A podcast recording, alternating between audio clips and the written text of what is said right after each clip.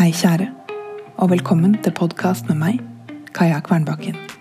I dag med et fredagsbrev som heter Pacha Mama. På en liten gressplen høyt oppe i Andesfjellene heller vi litt brus på bakken før vi fyller opp i glassene. Vi deler med Pacha Mama, moder jord, sånn hun deler med oss. Vi sier takk, og så feirer vi. Skolen står endelig ferdig etter mange år med finansiering og bygging. Endelig skal barna til alpakkagjeterne få en ordentlig utdanning, på et språk de forstår, av lærere som kjenner kulturen deres, og som ikke forteller dem at den er noe å skamme seg over. Som lærer dem at maten som vokser naturlig her oppe, er næringsrik og god. At det er godt å si takk til Pachamama. To. Mennesket er den eneste rasen som må betale for å bo på jordkloden. Men vi betaler hverandre, og ikke moder jord, som gir villig det vi trenger for å overleve. For å trives, til og med. Likevel betaler vi hverandre, og vrenger mer ut av jorden enn det hun kan gi. Enn det vi trenger. Tre. M sender meg en melding. Jeg trenger å snakke om braiding sweetgrass, skriver hun. Hun skriver om hvordan boken gir lyst til å leve annerledes, at menneskets gave og plikt er språk og evnen til å fortelle. At hun ikke ser for seg å kjøpe tobakk for å legge igjen som gaver i butikkhyllene når hun handler, men at noe må endres. At det følelseskalde språket til vitenskapen gjør at man ikke når fram. Men denne boka gjør det. Trøsteboka. Minner om kjærligheten til moder jord. Fra moder jord. Jeg har gulet ut noe på nesten hver side. I knew it with a certainty as warm and clear as the September sunshine. The land loves us back. She loves us with beans and tomatoes, with roasting ears and blackberries and bird songs.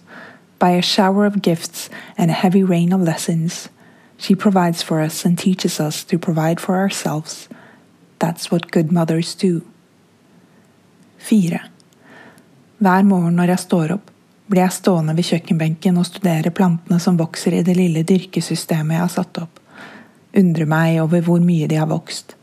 Bekymrer meg for om det er for lenge til neste vanning, eller om det vil gå greit. Det er ikke like fascinerende som å følge med på det som vokser i hagen eller i skogen, men det er januar, og jeg bor midt i byen, så jeg tar det jeg får. Mitt morgenrituale. Dyrker tilknytningen min til naturen. Onkel sier at jeg skulle ha vært bonde. Jeg skulle kanskje det, eller i hvert fall bodd i et hus i skogen med plass til å dyrke det jeg trenger til meg og familien. Tid til å sitte på trammen med fingrene i pelsen til en katt eller hund og se ut på alt som lever. Og så rusle inn på arbeidsrommet mitt for å skrive om det. Språket er min gave og min plikt. Fem.